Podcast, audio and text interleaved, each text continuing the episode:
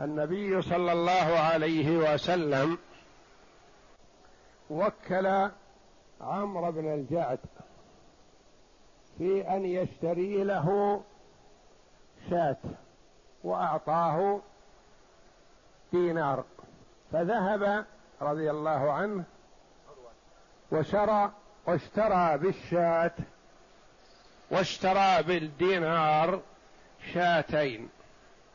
وفي أثناء الطريق باع أحدهما بدينار وجاء إلى النبي صلى الله عليه وسلم بدينار وشاة. هذا ديناركم وهذه شاتكم.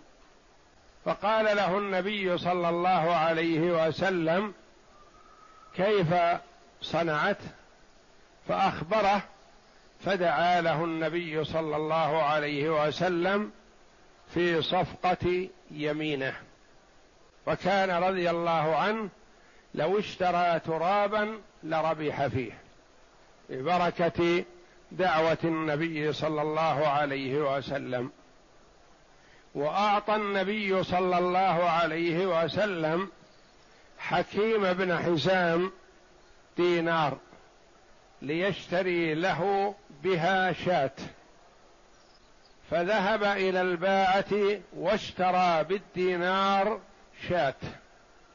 وفي أثناء الطريق ساومه عليها شخص فباعها عليه بدينارين.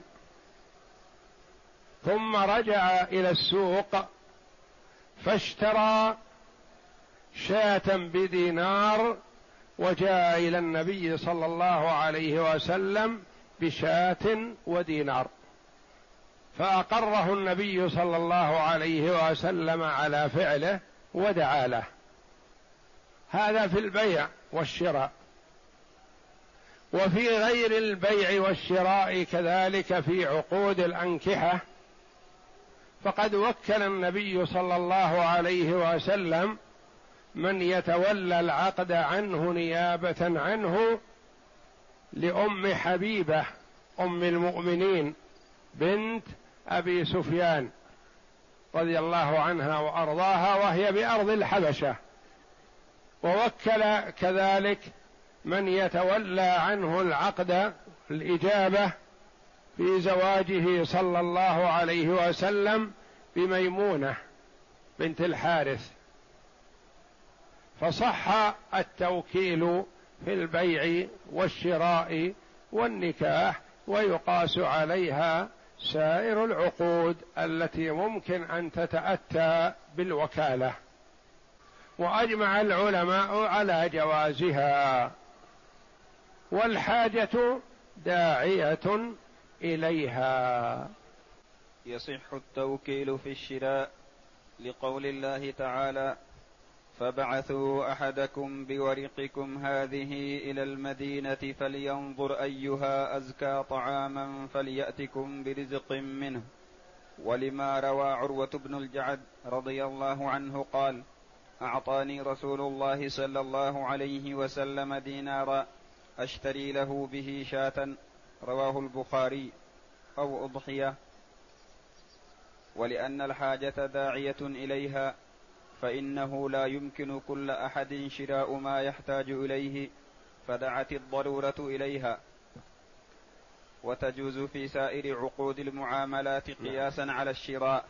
يصح التوكيل في الشراء لهذه الآية الكريمة فابعثوا أحدكم بورقكم هذه إلى المدينة فلينظر أيها أزكى طعاما فليأتكم برزق منه وليتلطف.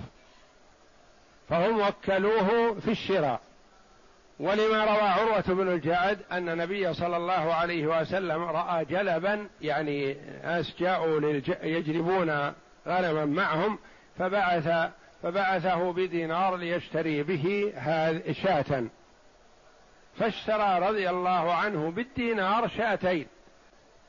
وجاء بهما إلى النبي صلى الله عليه وسلم وفي أثناء الطريق سامه واحد عليها على واحدة فباعها عليه بدينار. فجاء إلى النبي صلى الله عليه وسلم بالدينار والشاة. فهذا دليل جواز التوكيل في البيع والشراء لأنه توكل عن النبي صلى الله عليه وسلم في الشراء وتوكل عنه في بيع إحدى الشاتين. ولأن الحاجة حاجة المسلمين داعية إلى هذا لأن ما كل إنسان يستطيع أن يباشر أموره بنفسه. لابد أن يحتاج إلى من يوكله في أمر من الأمور. نعم. وتجوز في سائر عقود المعاملات قياسا على الشراء. كذلك سائر العقود المعاملات مثل التأجير والمزارعة والبيع بأنواعه كلها ويوكل الإنسان في كذا ويوكل في كذا ويوكل في كذا في كل المعاملات التي يعجز الإنسان أو يريد أن يوكل لأنه أحيانا لا يعجز عن مباشرة هذا العمل لكنه قد يستحي أو قد لا يليق بمثله. أو يخشى أن ما يأخذ حقه إذا باشره بنفسه لكونه ما يستطيع المخاصمة فيوكل من يخاصم عنه. مثلا لأن من الناس من إذا خاصم غلب. ما عنده قدرة على الإتيان بالحجة واضحة؟ فيغلب. ومن الناس من يتحاشى مثلا ويترفع عن مخاصمة الناس والمطالبة وقد تتوجه عليه المطالبة فماذا يعمل؟ يبعث من ينوب عنه كما بعث علي رضي الله عنه عقيل ابن أبي طالب أخاه الأكبر يطالب عن عنه عند أبي بكر الصديق رضي الله عنه وبعث عبد الله بن جعفر ابن أخيه يطالب عنه عند عثمان بن عفان رضي الله عن الجميع فعلي رضي الله عنه ما تعجزه الخصومة لكنه قال إن لها آه، قحما يعني أنها قد تحمل الإنسان على أن يقول شيئا غير مناسب أو يتكلم على خصمه أو يرميه بشيء غير لائق به أو يحمله على الكذب أو نحو ذلك فيحب أن يبعد عن الخصومة إن ثبت له شيء أعطيه وإن لم يثبت له شيء استراح من أن يأخذ شيئا ليس له. وتجوز في عقد النكاح. في سائر في سائر عقود المعاملات وفي وفي تملك وتجوز في سائر عقود المعاملات قياسا على الشراء. وفي تملك المباحات كإحياء الموات والإصطياد. وفي تملك المباحات يعني في إحياء الموات يريد أن يحيي أرضا في البرية ليست مملوكة لأحد. فيوكل شخصا في أن يعمل الإحياء الشرعي حتى يتملك هذه الأرض مثلا. أو في الاصطياد يوكل مثلا من يصيد له الصيد ونحو ذلك. نعم. لأنه تملك مال بسبب لا يتعين عليه.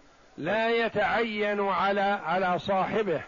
يعني تجوز فيه النيابة. سيأتينا أشياء لا تجوز فيها النيابة.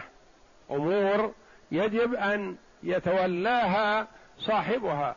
مثلا الشهادة ما يجوز أن يوكل من يشهد عنه يؤدي الشهادة عنه ونحو ذلك. لا بد أن يباشرها هو. وفي الأشياء التي تتعلق بالبدن مثلا فجاز التوكيل فيه كالشراء. وتجوز في عقد النكاح لأن النبي صلى الله عليه وسلم وكل عمرو بن أمية الضمري فتزوج له أم حبيبة رضي الله عنها.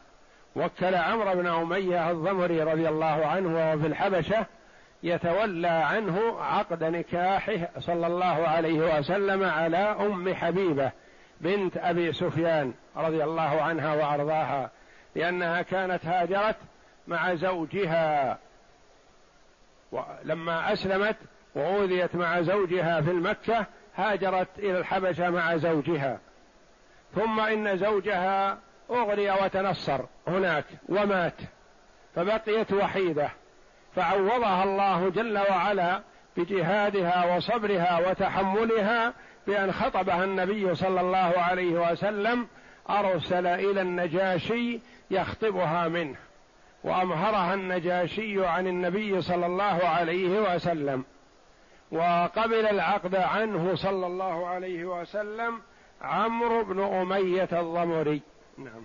ويجوز في الطلاق والعتاق والخلع والرجعة لأنها في معنى النكاح. وتجوز في الطلاق مثلا شخص مسافر يوكل من يطلق عنه أو حاضر في البلد لكن يقول ما أحب أن آه، أباشر الطلاق بنفسي توكل من يراه من وكل أخاه وكل أباه وكل جاره في أن يطلق عنه زوجته مثلا.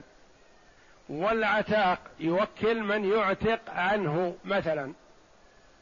والخلع يوكل من يخالع عنه زوجته. يقول مثلا هذه الزوجة ناشز وامتنعت من الانقياد.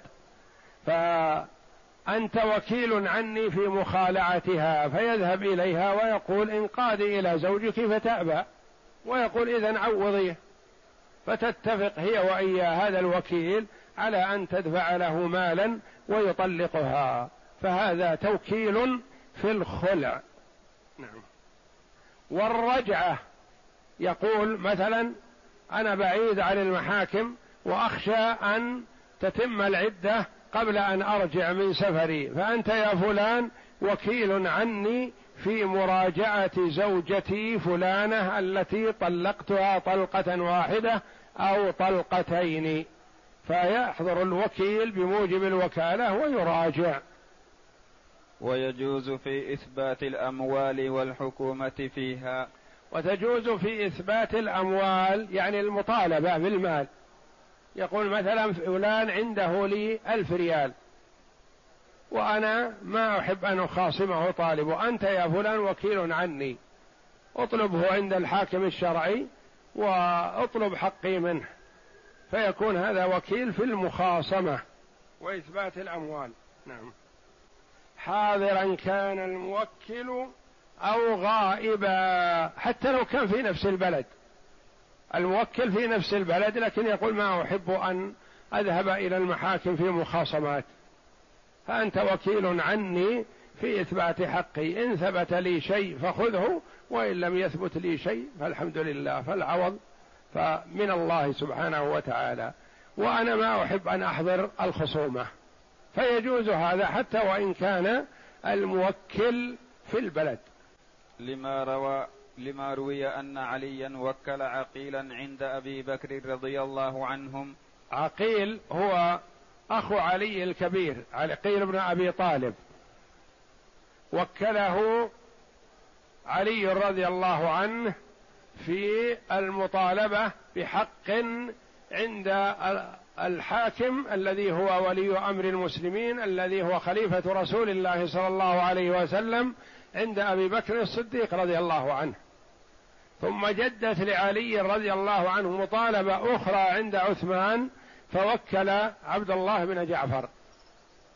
وقال وما قضي عليه فعلي. إذا حكم على عقيل فهو علي يقول علي رضي الله عنه. وما حكم له به فهو لي لأنه وكيل عني. نعم. وما قضي عليه فعلي وما قضي له فلي. ووكل عبد الله بن جعفر عند عثمان وقال إن للخصومة قحما قحما يعني يعني, يعني إن فيها خطر فيها مهالك. الإنسان إذا خاصم قد يقول قولا يندم عليه في في في المستقبل. قد يفرط منه كلام ما هو متثبت عنه. فيحب أن لا يباشره رضي الله عنه.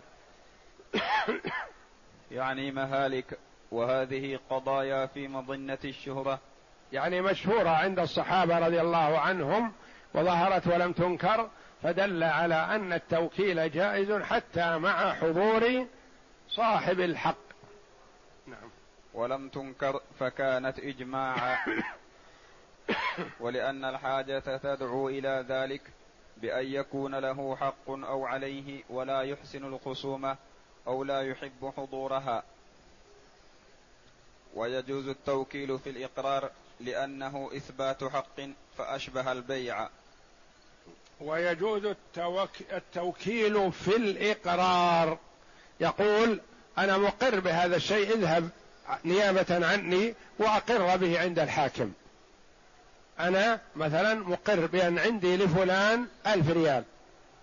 فاذهب يا فلان أنت وكيل عني في الإقرار أقر عند الحاكم بكذا. ويجوز في إثبات القصاص وحد القذف واستيفائهما في حضرة الموكل وغيبته لأنه حق آدمي أشبه المال. ويجوز في إثبات القصاص. شخص له حق القصاص من شخص ما. فما يحب أن يطالب بنفسه بالقصاص فيوكل غيره بالمطالبة. ثم إذا ثبت له الحق هل يصح التوكيل في الاستيفاء؟ هذا محل خلاف. أما المطالبة بالإثبات فهذا جائز لأنه حق آدمي. بخلاف المطالبة في الاستيفاء.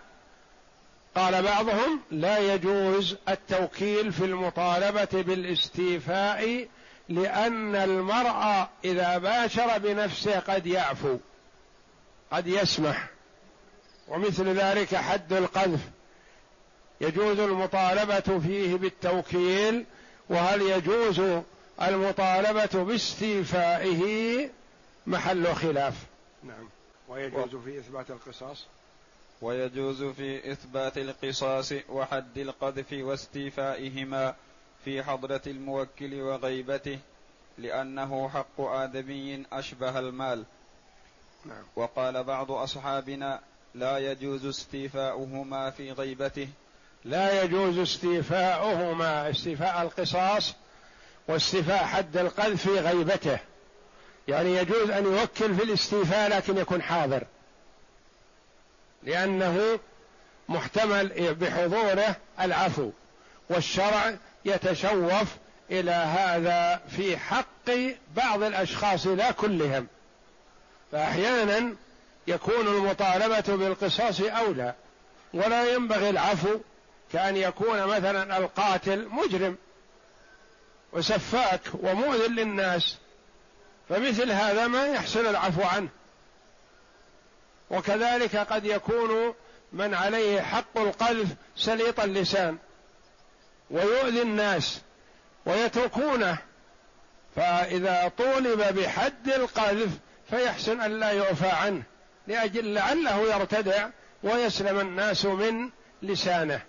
لأنه إذا تسلط على الناس بلسانه وعفي عنه زاد تسلطه وآذى الناس. فإذا أقيم عليه الحد لعله يرتدع. فلذا قالوا هذه الأشياء ما يحسن أن تستوفى إلا بحضرة صاحب الحق. وقال بعضه وقال بعض أصحابنا لا يجوز استيفاؤهما في غيبته. وقد أومأ إليه أحمد رحمه الله بأنه يجوز أن يعفو الموكل فيكون ذلك شبهة. ويجوز التوكيل في حقوق الله تعالى المالية لأن النبي صلى الله عليه وسلم بعث عماله لقبض الصدقات وتفريقها. فالزكاة من حق الله تبارك وتعالى والذي يتولاها الإمام. فالإمام له أن يوكل وإن كان الحق من حقوق الله تبارك وتعالى لأنه قد لا يتسنى للإمام أن يقوم بهذه الأشياء. فوكل النبي صلى الله عليه وسلم عماله في جمع الزكاة فهو وكلهم عليه الصلاة والسلام في حق ليس له وإنما هو حق لله تبارك وتعالى. وفي إثبات الحدود واستيفائها. وفي إثبات الحدود يعني كأن يأتي شخص ويقول إن فلانا قذفني وإني أطالب بحقي. يقول للحاكم فيقول الحاكم لشخص حاضر قم يا فلان معه. فإن ثبت أنه قذفه بإقراره أو بشهادة شهود فأقم عليه حد القذف. ولو لم يحضر للإمام. ومثل قوله صلى الله عليه وسلم وغدوا يا أنيس الذي مر علينا قريب إلى امرأة هذا فإن اعترفت فارجمها. فالنبي صلى الله عليه وسلم وكل أنيس في إقامة حد الرجم للزانية المحصنة إذا اعترفت. لأن النبي صلى الله عليه وسلم قال واغد يا أنيس على امرأة هذا فإن اعترفت فارجمها متفق عليه. ولا تجوز في العبادات البدنية لأن المقصود فعلها ببدنه فلا تحصل من فعل غيره إلا في الحج لما سبق في بابه. ولا تجوز في العبادات البدنية. حقوق الله أحيانا تجوز فيها مثل استيفاء الزكاة واستلامه وتوزيعه. أو شخص يوكل غيره يوزع زكاته مثلا. هذا جائز. لكن عبادات بدنية. يقول مثلا أنا مشغول ما أستطيع اذهب صل عنه. يوكله في الصلاة عنه؟ لا. ما يصح. أو توضأ عني؟ لا. لأن هذه عبادات بدنية تتعلق بالبدن. استثني من ذلك أشياء مثل الحج. فيوكل من يحج عنه لأن هذا ثبت في السنة. ولو لم يثبت في سنة رسول الله صلى الله عليه وسلم لقلنا إنه مثل الصلاة والصيام. كذلك الصيام مثلا يقول أنا ما أستطيع أصوم أو يشق علي الصيام صم عني يا ولدي؟ لا ما يصح. وإنما إذا أيس من ذلك كأن يكون مات مثلا وعليه صيام فقد ورد أنه يصوم عنه وليه. ولا تجوز في العبادات البدنية لأن المقصود فعلها ببدنه. هذه عبادات. وكذلك الحقوق البدنية كذلك التي على البدن مثل الحدود ونحوها. ما يصح أن يوكل شخص آخر يقول مثلا القاذف يوكل ابنه يقام عليه حد القذف. لا. يتعلق بالقاذف نفسه. نعم. فصل ولا تجوز. بركة, بركة. والله أعلم. وصلى الله وسلم وبارك على عبد ورسول نبينا محمد وعلى آله وصحبه أجمعين.